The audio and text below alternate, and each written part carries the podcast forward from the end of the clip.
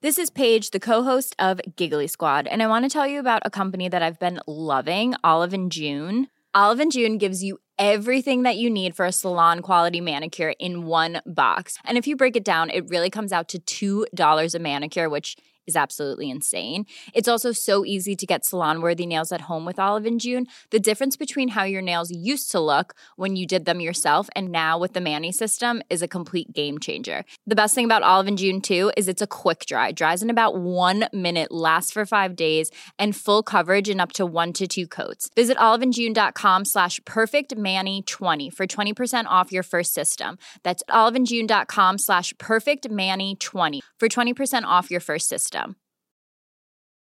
A lot can happen in three years, like a chatbot may be your new best friend. But what won't change? Needing health insurance. United Healthcare Tri Term Medical Plans, underwritten by Golden Rule Insurance Company, offer flexible, budget friendly coverage that lasts nearly three years in some states. Learn more at uh1.com. Wow! Nice! Yeah! What you're hearing are the sounds of people everywhere putting on Bombas socks, underwear, and t shirts made from absurdly soft materials that feel like plush clouds. Yeah, that plush. And the best part? For every item you purchase, Bombas donates another to someone facing homelessness. Bombas. Big comfort for everyone. Go to bombas.com slash ACAST and use code ACAST for 20% off your first purchase. That's bombas.com slash ACAST. Code ACAST. Palmemordet, Hans Holmer, del 15.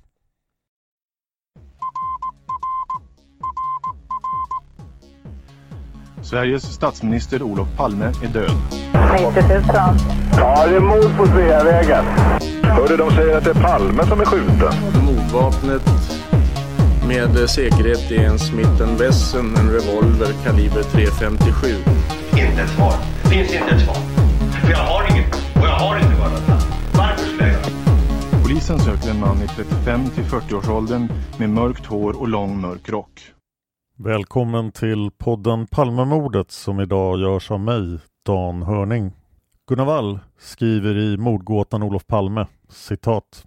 Den 15 maj, dagen innan KG Svensson lägger ner förundersökningen om Gunnarsson, har spaningsledningen redan fullt upp med det nya spåret.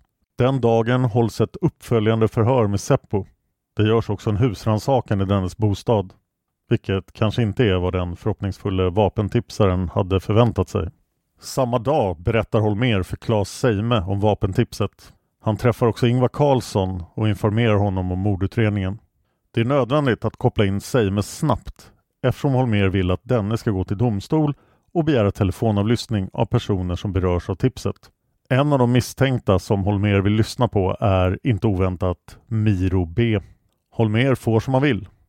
Claes Seime agerar raskt och rätten godkänner lika snabbt hans framställan. Det är inte att undra på att Seime anser sig skyldig att ha misstankar mot Ustasja på visst allvar. Redan på Sabbatsbergs sjukhus under mordnatten har ju Lisbeth talat om att organisationen kan ligga bakom mordet. Det hela är mycket förlaktigt ur Hans Holmers synpunkt. Genom åklagarbeslutet om telefonavlyssning av Miro B får Seppos berättelse automatiskt en viss dignitet. Emellertid sedan Miro B en gång fyllt sin funktion att via vapentipset lotsa in mordutredningen på PKK-spåret kommer han att spela enbart en perifer roll i Hans Holmérs strategi.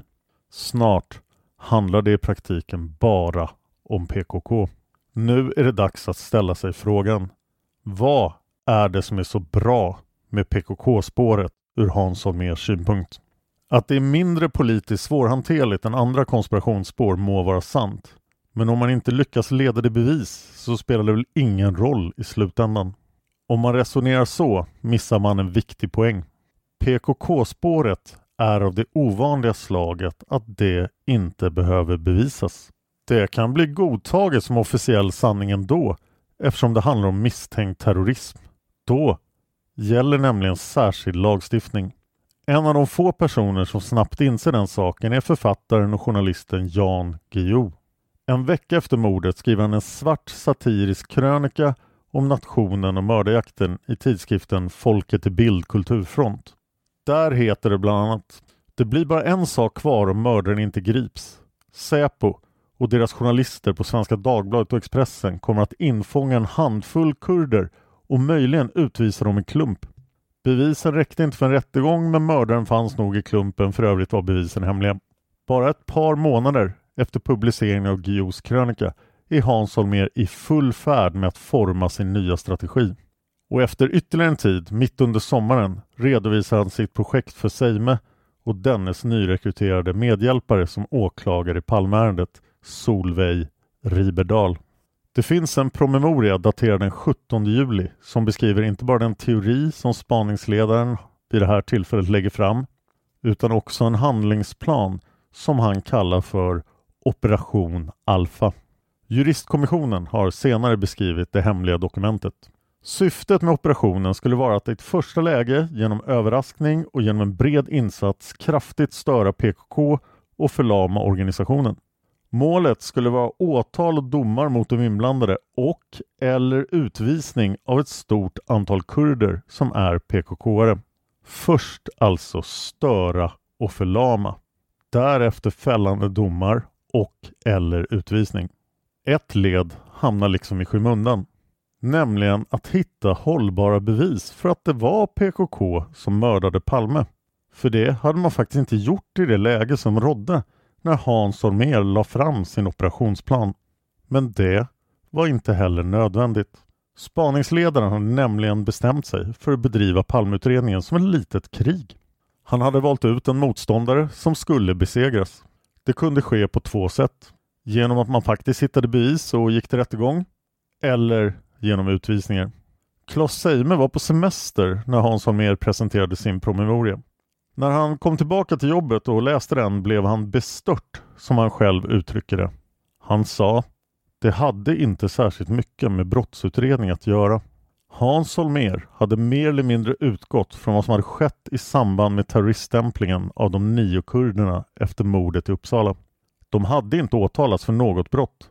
De hade fått sina utvisningsbeslut ändå. Att besluten inte kunnat verkställas var en annan sak. Det viktiga var att de var officiellt utpekade som terrorister och satta under övervakning. Nu ville spaningsledaren göra om samma sak i samband med statsministermordet. Skillnaden var bara att här fanns det inte ens en gripen mördare. Men då fanns ju möjligheten att gå ut och proklamera exakt det budskap som Jan Guillou hade varnat för skulle komma. Bevisen räckte inte för en rättegång, men mördaren fanns nog i klumpen. För övrigt var bevisen hemliga. Och om bara svenska folket godtog den versionen skulle länspolismästaren i Stockholm framstå som en hjälte. Regeringen skulle slippa problemet med alla bekymmersamma spekulationer kring ett outrett statsministermord och skotten på Sveavägen skulle sakta falla i glömska. Slut citat Gunnar Wall. Från och med den här punkten i berättelsen om Hans Holmérs tid som spaningsledare är det svårt att förstå vad han håller på med. Gunnar har varit med i podden flera gånger och vi har pratat om böckerna Mörkläggning och gjort avsnitt som heter Mörkläggning. Han är övertygad om att det här är en mörkläggning. Men fram till den här punkten är mitt intryck att Hans Holmér har gjort en väldigt dålig polisutredning. Så den stora frågan ni måste ställa er när ni lyssnar på resten av avsnitten om Hans Holmér är Är det en konspiration eller är det bara inkompetens? Eller är det till och med den bästa utredning någon skulle kunna göra? Men det är upp till er att avgöra. Vi är nu tillbaka i det kronologiska narrativet. Men innan vi tar upp det så skulle jag vilja höra era synpunkter om Mikael Persbrandt som Hans Holmér i Netflix-serien Den osannolika mördaren. Vad tycker ni? Gjorde Persbrandt en bra prestation som Holmér eller var det någonting som kändes fel? Maila era synpunkter till podden Palmemordet gmail.com. Alltså mejla till podden Palmemordet gmail.com. Ni kan också skicka meddelanden till mig direkt på Instagram eller Twitter. Dan Hörning heter jag så är lätt att hitta. Nu tillbaka till tidslinjen. Jag kommer givetvis återkomma till Solveig Riberdal och till Operation Alfa i detalj i senare avsnitt. Vi ska nu återgå till det kronologiska narrativet och vi börjar med vad som har hänt förutom Viktor Gunnarsson och kurder i maj. Sedan kommer ni ganska tydligt att märka hur spaningsledningens protokoll helt glider över från hundratals små spår till att handla huvudsakligen om PKK. Den 3 maj gör Hans Holmér ett uttalande i pressen skriftligen och det lyder som följer citat Sydsvenska Dagbladet uppger i dagens nummer av tidningen att polisen nu jagar en lejd terrorist i jakten på Olof Palmes mördare. Tidningen påstår också att spaningsledningen skulle ha lagt ut dimridåer och ljugit om de upphittade glasögonen och ägaren till dessa. Artikeln har vidarebefordrats av TT. Redan i onsdags den 30 april stod det efter förhör med glasögonens ägare klart för spaningsledningen att såväl han själv som glasögonen helt kunde avföras från mordutredningen. För att tillmötesgå allmänheten med snabb och korrekt information meddelades detta omgående i en kommuniké. Jag vill med anledning av Sydsvenskans påståenden än en gång upprepa att glasögonen såväl som ägaren till dessa inte har något med mordet att göra. Det hela kan betecknas som ett trivialt hittegodsärende. Jag vill vidare tillägga följande. Sydsvenskans artikel har enligt en källa på tidningens redaktion väckt förvåning också inom tidningens egna led. Det inger ett visst hopp om att tidningens fortsatta bevakning av mordspaningen ska kunna ske med urskiljning Hans Holmér. Slutcitat. I den här vevan granskar också polisen nynazister i Sverige och Norge. En grips eftersom han har ett misstänkt vapen. Det är fel vapen och han visar sig ha alibi för mordnatten. Hans Holmér är inte intresserad. Istället uttalar han sig i pressen igen den 11 maj. Citat. Uttalande av Hans Holmér. Jag bär ansvaret för arbetet att finna Olof Palmes mördare. Ett arbete som i tio veckor har bedrivits med stor intensitet och där någon avmattning inte kan skönjas. En dag måste allt som har hänt granskas. Det är en självklarhet i ett land som Sverige. En mängd frågor måste få sitt svar. En mängd synpunkter måste diskuteras. En del beslut behöver fattas. Därför bör en granskningskommission tillsättas. En kommission som ska ta itu med många olika frågor. Hur har Säkerhetspolisen fungerat? Hur har polisen i övrigt fungerat? Hur har nyhetsbevakningen fungerat? Hur har informationen inom statsledningen fungerat? Det är lätt att förstå att det främst är polisens arbete som det är intressant att granska. För att underlätta en sådan granskning har vi under spaningsarbetet samlat en omfattande dokumentation över beslut och åtgärder. Alla viktiga diskussioner och sammanträden har bandats etc. Jag har sagt det förut och jag säger det igen. Vi tål en granskning och vi har inriktat vårt arbete på en sådan. Jag anser också alltjämt att en granskning bör anstå. Från en kommission är inte att vänta någon förlösande teori eller några avgörande tips i spaningsarbetet. Däremot kan en kommission bli en praktisk belastning på spaningsarbetet och på spaningsledningen. Om den ändå tillsätts nu är det viktigt att kommissionen får sådana direktiv att spaningsarbetet inte störs utan att vi får fortsätta med full koncentration på vår viktigaste uppgift, Hans Holmer. Slutcitat.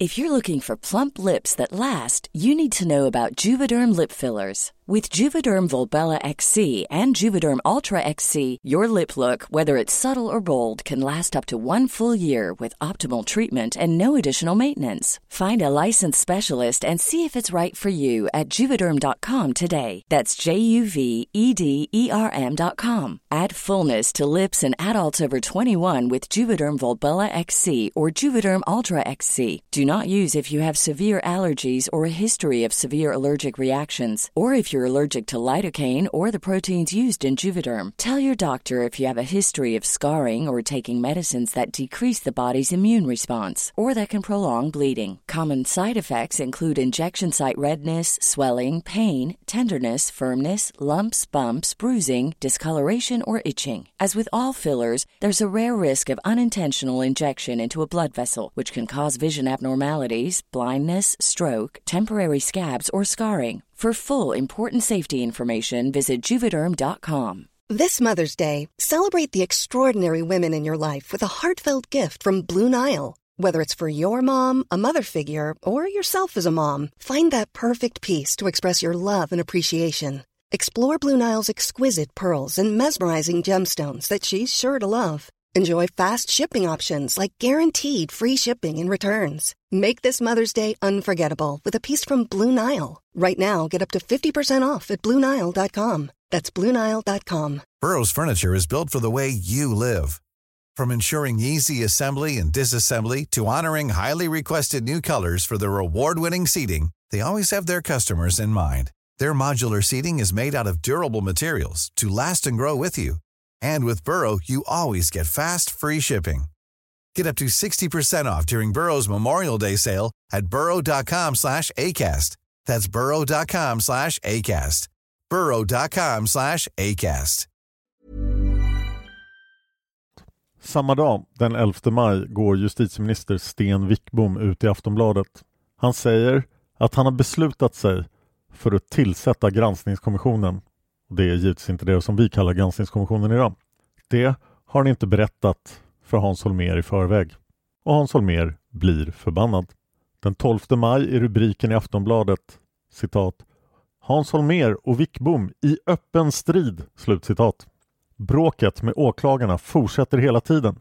Man har inte längre användning för 300 poliser i palmutredningen. De 200 Säpomännen har också minskat i antal.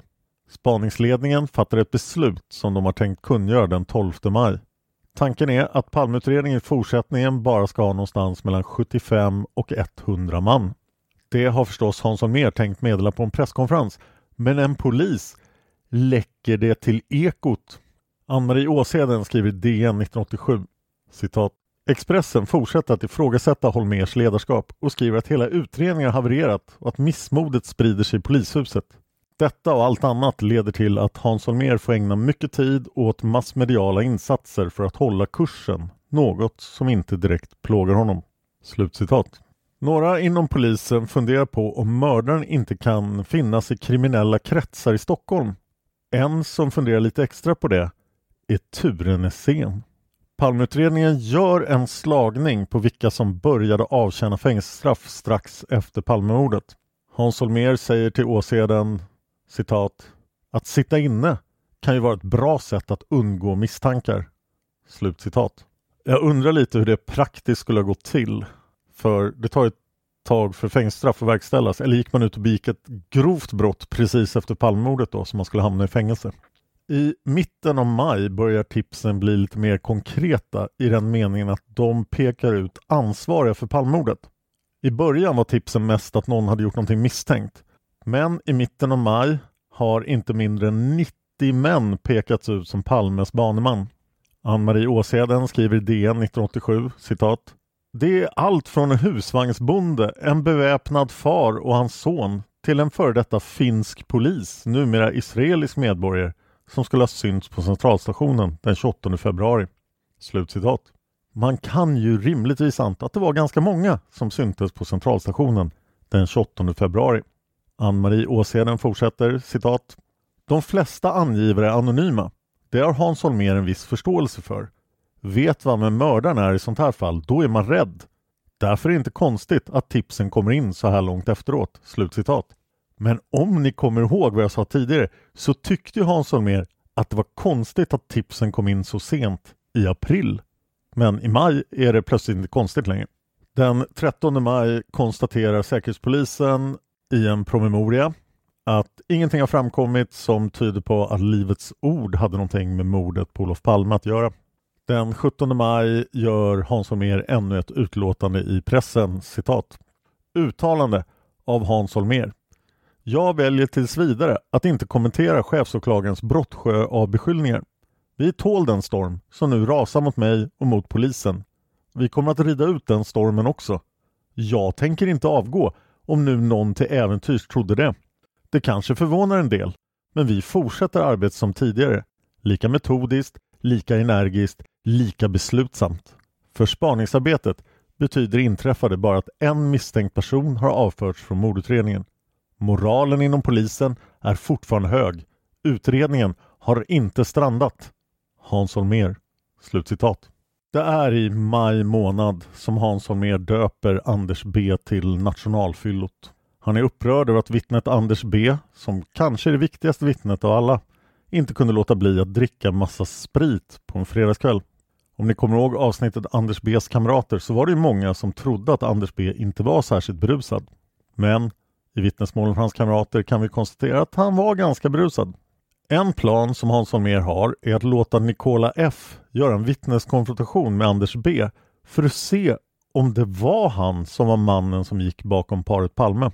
Men Palmeutredningen har svårt att få ihop tillräckligt många blå täckjackor i maj eftersom det inte är säsong för blå täckjackor så det hela rinner ut i sanden.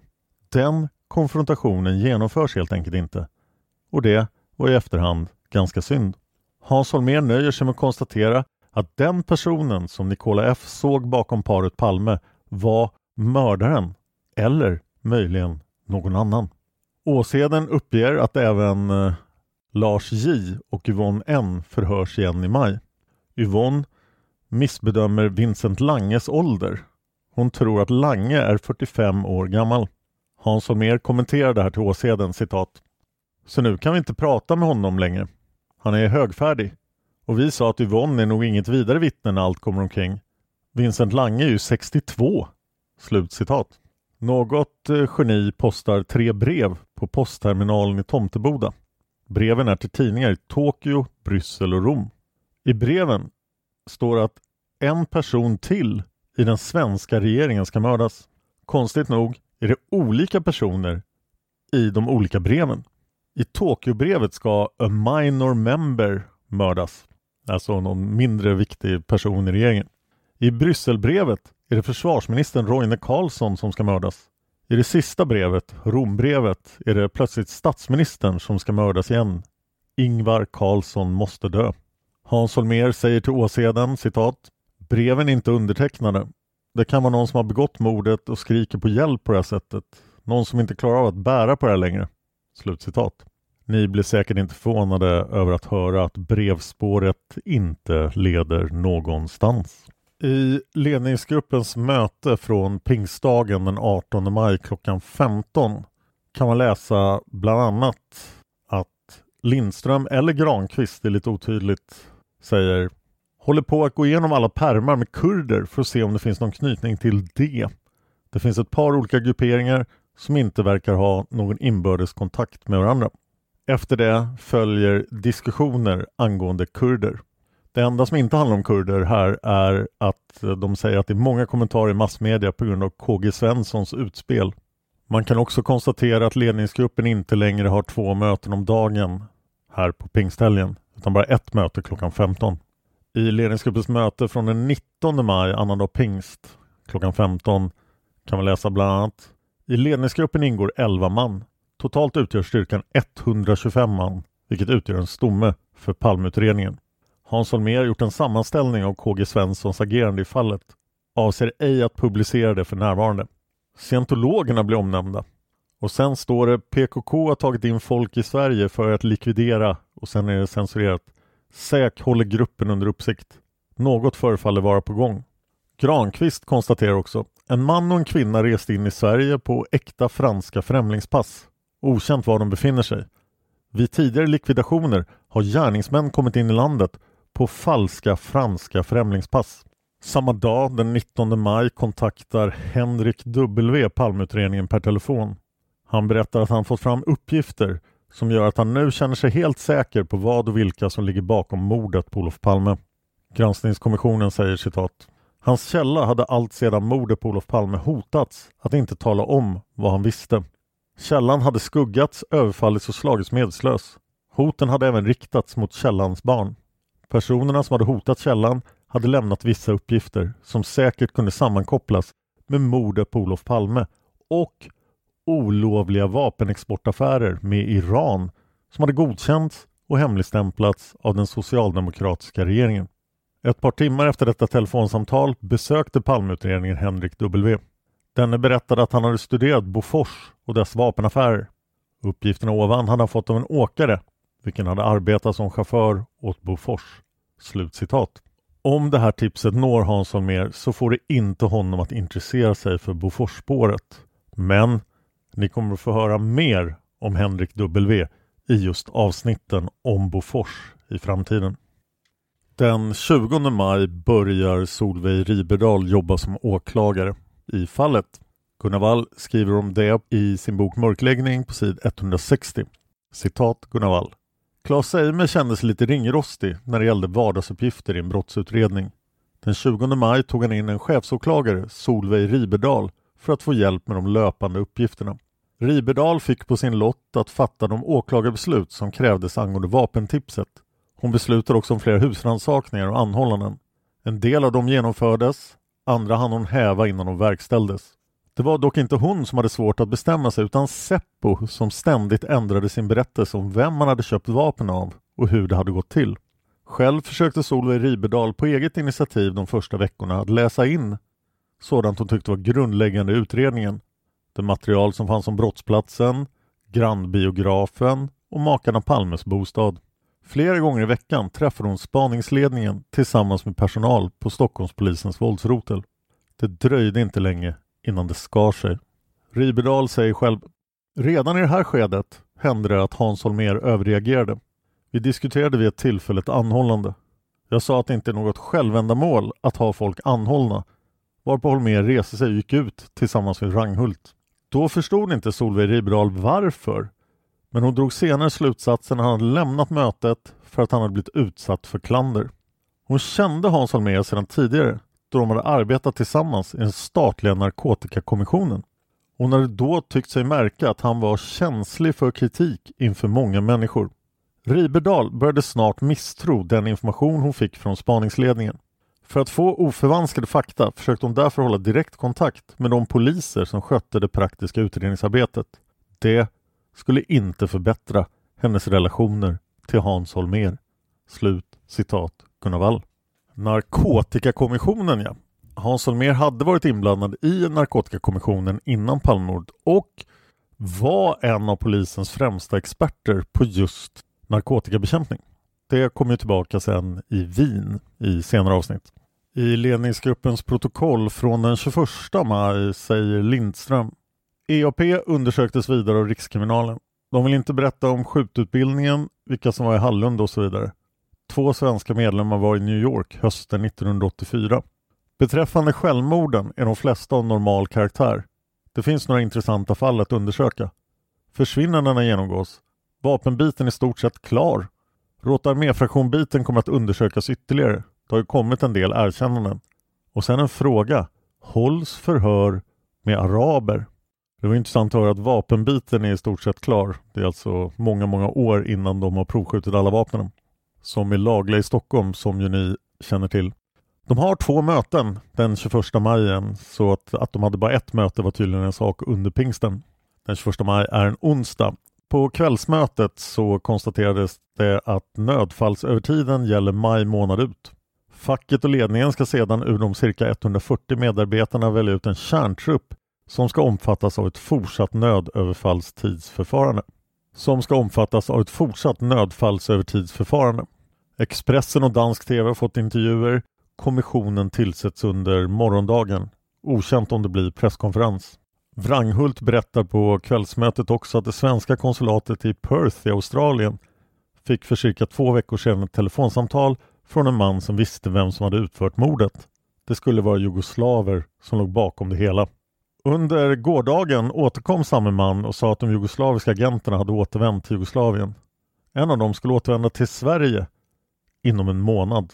Tipset överlämnas till Rikskriminalen för undersökning och bevakning. På morgonens ledningsgruppsmöte på torsdagen den 22 maj sägs det bland annat Kommissionen presenteras idag vid en presskonferens klockan 14. Flygblad från EAP utdelade utanför polishuset idag på morgonen. Lange säger i Fotoaktuellt finns en artikel om att någon skulle ha fotograferat Palme liggande på marken. Mannen hade dock ingen film i kameran. Är någonting känt om detta? Han får svaret nej.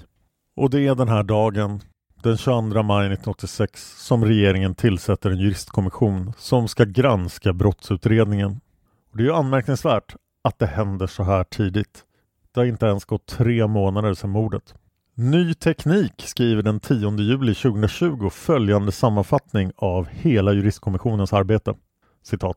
Hans Holmér får största skulden för att spaningsarbetet inte har fungerat. Slutcitat. Granskningskommissionen är lite mer långrandig.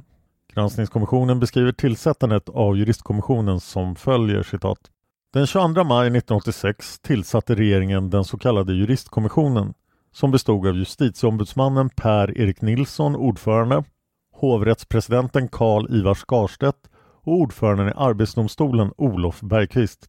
Nilsson avgick som justitieombudsman i juni 1987 och entledigades då också på egen begäran från sitt uppdrag i juristkommissionen.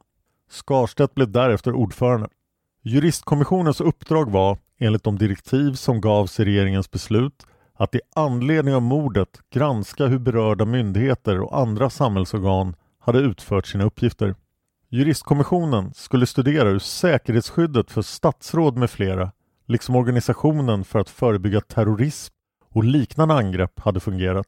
De skulle också undersöka de frågor som hade berört de centrala samhällsfunktionerna den närmaste tiden efter mordet med uppmärksamhet bland annat på rutinerna för beredskap och säkerhetsskydd. De skulle även studera aktuella sambands och informationsfrågor samt granska brottsutredningen. Juristkommissionen skulle i övrigt ha stor frihet när det gällde granskningsarbetets närmare inriktning och uppläggning.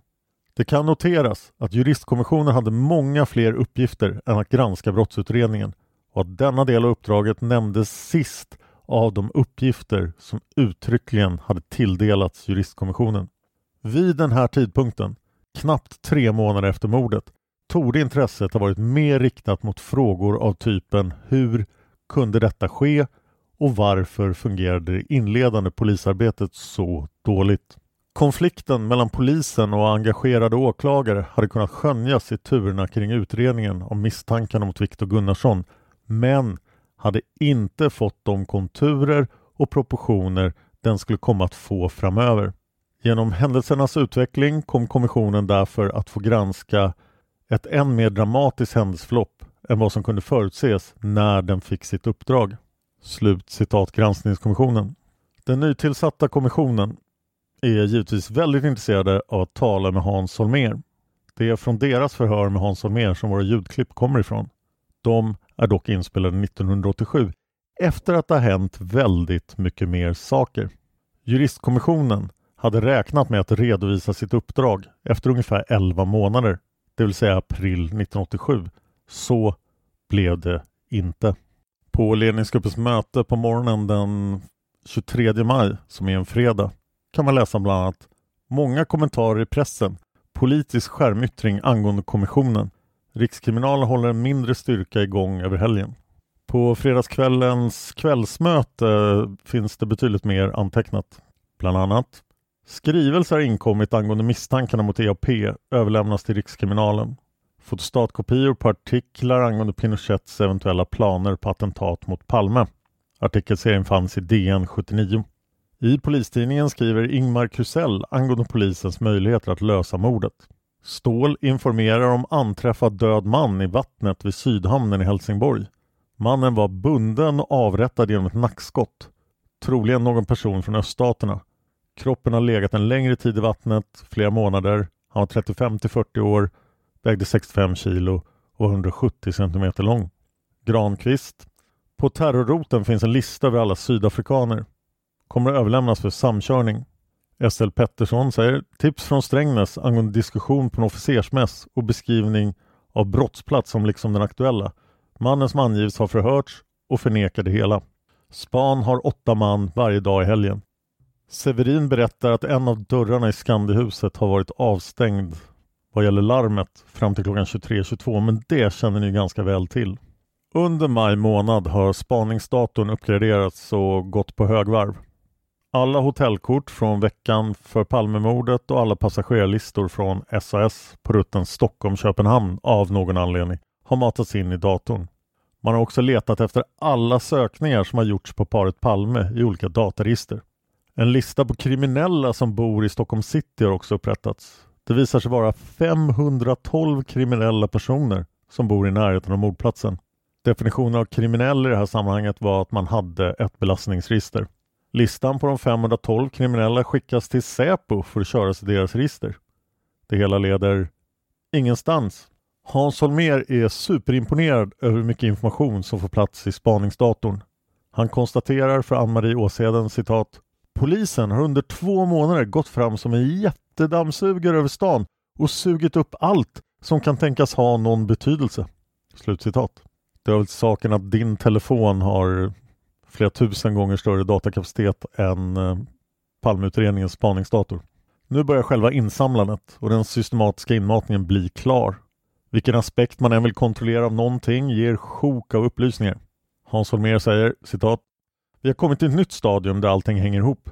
Så fort vi börjar syssla med någonting visar det sig att det finns förgreningar till sånt som vi tidigare hållit på med, ibland på det mest osannolika sätt. Nätet är mycket finmaskigt på sina ställen. Slutcitat. Man kan ju bara fundera på hur många mantimmar Hans Holmérs utredning la ner på att gå igenom Viktor Gunnarssons adressbok. Det är ju sån här data som finns i deras spaningsdator. Palmeutredningen dyker efter mordvapnet vid Strandvägen, vid Strömmen, vid Slussen och vid Stäketbron längs Värmdövägen. De hittar inte mordvapnet, men de hittar en stulen bil och flera damväskor. Dykningarna vid Slussen och Norrström är problematiska för där är det nämligen väldigt strömt. På lördagen den 24 maj har ledningsgruppen möte klockan 10. Där kan man bland annat läsa att Holmer upplyser att han har samtalat med Mats Wangstad för att utröna om det hade förövats några rån med pistol eller revolver från den 15 februari till och med dagens datum. Och Vangstad lovade återkomma. Lange har fått ett paket som har skickats från Luleå per post men han konstaterar att det är ej av vikt. Wranghult kommer fram till att de två telefonkioskerna har inte använts. Robert upplyser att eh, säkert inte klarar av att hålla telefonkioskerna under övervakning. På kvällsmötet samma dag har alltså Mats Wangstad blivit klar med sin uppgift. Han meddelar Hans Holmér att det var tio stycken rån som hade förövats sedan den 15 februari. Hans Holmér upplyser att han har bjudit in Palmekommissionens ordförande till massmedieinformationen som äger rum på onsdag. Ordförande Nilsson kommer till Palmerummet klockan 10.30. Ståhl undrar om det har gjorts någon kontroll huruvida Palmes telefon hade avlyssnats från Televerket. Holmer upplyser att SÄK kontrollerat huruvida telefonen hos Palme varit avlyssnad eller inte. Någon konstaterad avlyssning har inte kunnat fastställas. Lite senare Linder undrar om uppgiften från Mårten Palmes arbetskamrat att Mårten skulle gå på bio tillsammans med föräldrarna är kontrollerad. Holmer uppdrar åt Ståhl att undersöka den saken. Holmer redogör också för olika statistilsuppgifter, det står så, som tagits fram från datan. Idag finns det 24 340 dokument indaterade och 14 557 personer omnämnda på olika sätt samt 2484 vapen. 9062 personer är hörda. Det kan röra sig om fler förhör med samma personer. Nästa dag på kvällsmötet som enligt protokollet inträffade 1980 0025 men det är något fel så säger Ståhl följande. Ståhl påpekar att han anser det möjligt att makarna Palmes och Mårten Palmes telefoner kan ha varit avlyssnade genom medverkan av Televerkets personal. Ståhl redogör för förhör med Mårten Palme den 16 april. I förhöret framgår att Mårten blev uppringd på mordkvällen klockan 18.30 till 18.40 av Olof Palme. Under samtalet uppgav Olof att han hade för avsikt att gå på bio tillsammans med Lisbeth. De hade för avsikt att se Mitt liv som hund och det sa Olof på telefonen. Mårten sa till Olof att eh, han och hans fästmö hade för avsikt att gå och se filmen Bröderna Mozart. Mårten hörde i samband med detta hur Lisbeth kommenterade det. Olof sa efter Lisbeths kommentar att vi får väl se om även vi går på Mozart och i så fall ses vi utanför biografen. Even when we're on a budget we still deserve nice things. Quince is a place to scoop up stunning high-end goods for 50 to 80% less than similar brands. They have buttery soft cashmere sweaters starting at $50, luxurious Italian leather bags and so much more. Plus, Quince only works with factories that use safe, ethical and responsible manufacturing. Get the high-end goods you'll love without the high price tag with Quince. Go to quince.com slash style for free shipping and 365-day returns. A lot can happen in the next three years. Like a chatbot may be your new best friend. But what won't change? Needing health insurance. United Healthcare Tri-Term Medical Plans are available for these changing times. Underwritten by Golden Rule Insurance Company, they offer budget-friendly, flexible coverage for people who are in between jobs or missed open enrollment. The plans last nearly three years in some states, with access to a nationwide network of doctors and hospitals. So for whatever tomorrow brings, United Healthcare Tri-Term Medical Plans may be for you. Learn more at uh1.com. Planning for your next trip? Elevate your travel style with Quince. Quince has all the jet setting essentials you'll want for your next getaway, like European linen, premium luggage options, buttery soft Italian leather bags, and so much more. And is all priced at 50 to 80% less than similar brands. Plus, Quince only works with factories that use safe and ethical manufacturing practices. Pack your bags with high-quality essentials you'll be wearing for vacations to come with Quince. Go to quince.com/pack for free shipping and 365-day returns. Samtalet mellan Mårten och Olof varade i cirka 15 minuter. Efter nämnda telefonsamtal ringde Mårten till sin fästmö och berättade för henne att eventuellt så kom mina föräldrar med och ser bröderna Mozart. Holmer uppdrar åt Ståhl att kontrollera vad som sades mellan Aspling och Olof Palme vid deras telefonsamtal den 28 februari. Lite senare, Holmer tror att det blir hopplöst att kontrollera om någon avlyssning har förekommit hos Televerket. I slutet av maj 1986 kom det in ett tips från en uppgiftslämnare som uppgav att Ulf S var medlem i Martinusvännerna och att denna hade sagt att det av skrifterna framgick att Olof Palme skulle ryckas bort. Hans Holmér var förstås inte intresserad av det tipset. Gruppen inom Palmeutredningen som jobbar med hypotesen att det är en amatörmässig grupp som har genomfört Palmemordet konstaterar att den amatörmässiga gruppen förmodligen bestod av mördaren, skuggan och den rödlätte mannen. Mördaren ser förmodligen ut som fantombilden och de verkar inte ha använt walkie-talkies. Den 25 maj görs också en utredningsåtgärd som Hans Holmér nog inte är särskilt inblandad i. Från granskningskommissionen citat. Den enda dokumenterade utredningsåtgärd som vidtogs mot Christer Pettersson under den tid de ovan återgivna uppslagen härrör är från ett hembesök den 25 maj 1986. I det upprättade spaningsuppslaget sägs måndagen den 26 maj, här står det den 26 men de sa precis den 25, klockan 11.15 besöktes Christer Pettersson i sin bostad av kriminalinspektör Lennart P och Anders L. Följande framkom. Mordkvällen befann sig Christer Pettersson inne i Stockholm city. Han besökte klubb på Oxtorgsgatan, två trappor under jorden, som heter BK Oxen. Där träffade han bland annat en kille vid namn Sigvard C, känd buse. Det är förstås Sigge Cedingen. Sigvard C är bosatt Tegnérgatan 16. Christer anlände till klubben vid 19-tiden på kvällen och avvek därifrån strax efter 22 då han gick till centralen och tog pendeln hem till Rotebro. Christer kom hem vid cirka 23.30-tiden och gick så gott som genast och la sig. Tipset registrerades i uppslaget angående Christer Pettersson och rubricerades av mottagaren som en uppföljning av uppgifterna angående Christer Pettersson. Övriga förhör med Sigge Sedingen från den här tiden registrerades i andra avsnitt. Slutcitat Granskningskommission. Den eh, 26 maj inkom en anmälan till juristkommissionen. Citat. Klagomål mot utredningen rörande misstänkt delaktighet i mordet på statsminister Olof Palme.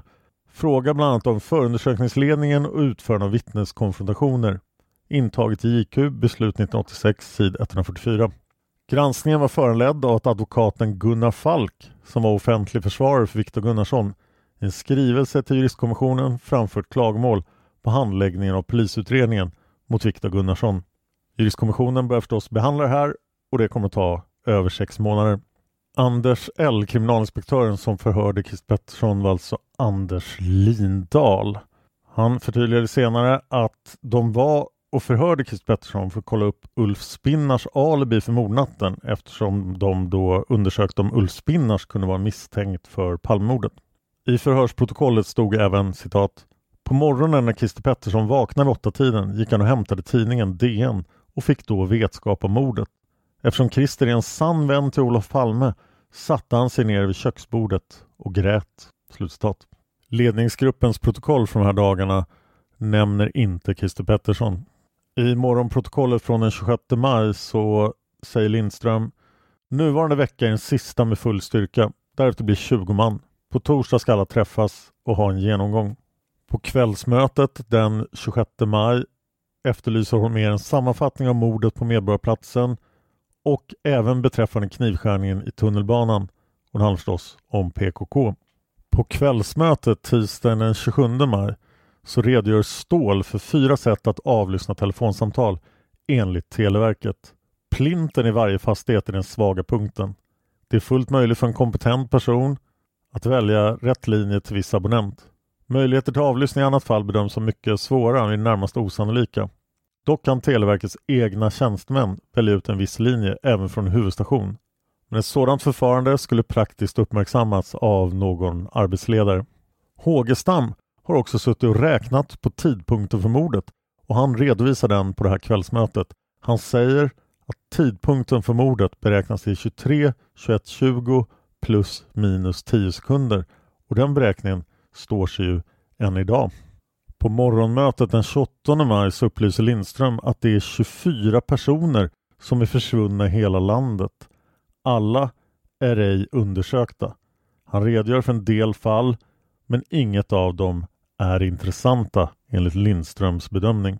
Han upplyser också att det inte finns några intressanta fall beträffande avvikna från kriminalvårdsanstalter samt att det finns ett 50-tal självmord som är under utredning. På kvällsmötet den 28 maj så säger Lindström spekulativ tanke. Kan mördaren ha avsett att döda Lisbet Palme och skjutit Olof Palme för att lättare kunna skjuta henne? På morgonmötet den 29 maj upplyser hon mer om att det gjordes en husrannsakan i ett låst kassaskåp i Olof Palmes kontor. Vid husrannsakan anträffades två stycken svarta anteckningsböcker som var Olof Palmes egna. Någon vars namn är censurerat har vid förhör uppgivit att de aktuella böckerna överlämnats till Lisbeth Palme. Holmer vill ha besked om innehållet i böckerna och hur det har gått till i samband med överlämnandet av böckerna till Lisbeth Palme. Varför lämnades böckerna till Lisbeth Palme? Holmer ger SÄK i uppdrag att undersöka ärendet. På morgonmötet den 50 maj, men jag tror att det ska stå den 30 så kan man bland annat läsa att Linder redogör för en försvunnen turkisk kvinna, hennes fyraåriga barn. Kvinnan är frånskild, för detta maken, turk, saknar uppehållstillstånd efter skilsmässan. För detta maken lär ha en bror som vistas olovligt i Sverige. Beskrivningen på kvinnan stämmer bra på offret i Eskilstuna. Liken i Eskilstuna är cirka 18 till 30 år. Det finns ingen koppling till Palmemordet. På kvällsmöten den 30 maj tar Ekstam upp och Linder det är oklart vem som pratar. Det är alltid lite otydligt de här protokollen. Informerar om morden i Eskilstuna. Inga yttre skador så man kunde se. Offren är kurder hemmahörande i Eskilstuna sedan 1984. De var kvävda och bakbundna enligt information som inkom under mötet. Det blir lördagen den 31 maj 1986 och det är dags för morgonmöte för ledningsgruppen. Lindström redogör för kurdmord i Solna som inte har kunnat lösas. Det finns fler falanger bland kurderna som leder till Eskilstuna. Morden i Eskilstuna, offren är identifierade. Okänt på vilket sätt de bragts om livet. Kan finnas anknytning till mordet i Solna och eventuellt till Palmemordet. Hittills inga tecken på en knytning till PKK. Det sägs också kan det vara någon hämndaktion mot två avhoppade iraker? De döda lär vara släkt med dem. Hans Holmér rapporterar att han har läst handlingarna angående Medborgarhuset och knivskärningen på Slussen. På kvällsmötet redogör Blad för undersökning av kulorna som hittats på en skjutbana i Salem. Det är samma typ av kulor som anträffas intill brottsplatsen. Det är sex stycken kulor varav fem kulor har blyspets. Typ 357 med fem bommar. Det är intressant att konstatera att kulorna som är skjutna rakt ner i marken är oskadade. Det tyder på att snö kan ge ett gott skydd. Och i och med den uppgiften så är vi nu framme i juni månad. Men det ska vi prata mer om i nästa avsnitt. Jag finns på Twitter, Instagram och Youtube. Följ mig gärna där. Jag heter Dan Hörning, så lätt att hitta. Du kan också mejla oss på podden Palmemordet gmail.com. Det är Eva och Tobias som läser mejlen där, men till slut når de fram till mig också. Tack till alla som sponsrar Palmemordet på Patreon. Det är oerhört viktigt för oss och ett ömsesidigt avtal. Så tycker att den här podden är bra, gå in och välj en summa som du tycker ett avsnitt är värt. Gör vi inga avsnitt, kostar inga pengar. Om ni vill höra mer om Mikael Persbrandt så kan ni lyssna på mitt avsnitt av min eh, sovpodd Sova med Dan där ett av de tidigaste avsnitten heter just Mikael Persbrandt. Där jag berättar så tråkigt jag bara kan om Mikael Persbrandt så att du ska somna. Tobias hänger också i Facebookgruppen Studio Palmemordet och där kan du nå honom. Där postar han också avsnitten. Vi vill fortfarande gärna ha iTunes-recensioner. Lyssnar du på den här podden på ett Apple device, lämna gärna en iTunes-recension. Vi kommer att läsa dem i podden. Det blev ingen ljudfil idag eftersom jag i princip bara har två ljudfiler kvar. Det är en del utredningstekniska saker och sen är det Operation Alpha. Vi jobbar på att få ut de här ljudfilerna från ledningsgruppen men det är lite problematiskt. Men jag har inte förlorat hoppet än. Jag inledde det här avsnittet med Gunnar Walls uttalande om terroristlagen och Hans Holmers mörkläggning just för att i de här avsnitten granskar vi Hans Holmers arbete och eftersom det finns två olika bilder av Hans Holmér så betraktar vi honom som lite skum eller inkompetent i de här avsnitten. Men i avsnitten vi kommer att göra om PKK-spåret där vi kommer gå mycket djupare på PKK där kommer vi betrakta Hans Holmér som en hjälte. Kom ihåg det. Tack till eh, Lukas för musiken. Tack till expertgruppen, vår jurist och researchassistenter. Tack till Cornelia. Tack till David. Eh, kom ihåg att de här ledningsgruppsmötenas protokoll finns på palmemordsarkivet.se. Det är ju Facebookgruppen FUP och övriga handlingar som har gjort ett fantastiskt jobb där, så gå gärna med i den också. Men från nummer 1295, alltså 1295, så finns det jättemånga protokoll från ledningsgruppen. Jag skummar igenom de här och tar bara upp det intressanta. Men vill ni läsa dem i sin helhet finns de på palmordsarkivet.se. Tack till Tobias för allt du gör för podden och tack till dig som lyssnar för att du lyssnar på Palmemordet. Man hittar Palmes mördare om man följer PKK-spåret till botten. Därför att ända sedan Julius Caesars tid har jag aldrig hört talas om ett mord på en framstående politiker som inte haft politiska skäl. Polisens och åklagarens teori var att han ensam hade skjutit Olof Palme. Och det ledde också till rättegång. Men han frikändes i hovrätten. Nu ska vi ut på rövarstråt. Jag viskar ut och rövarstråt.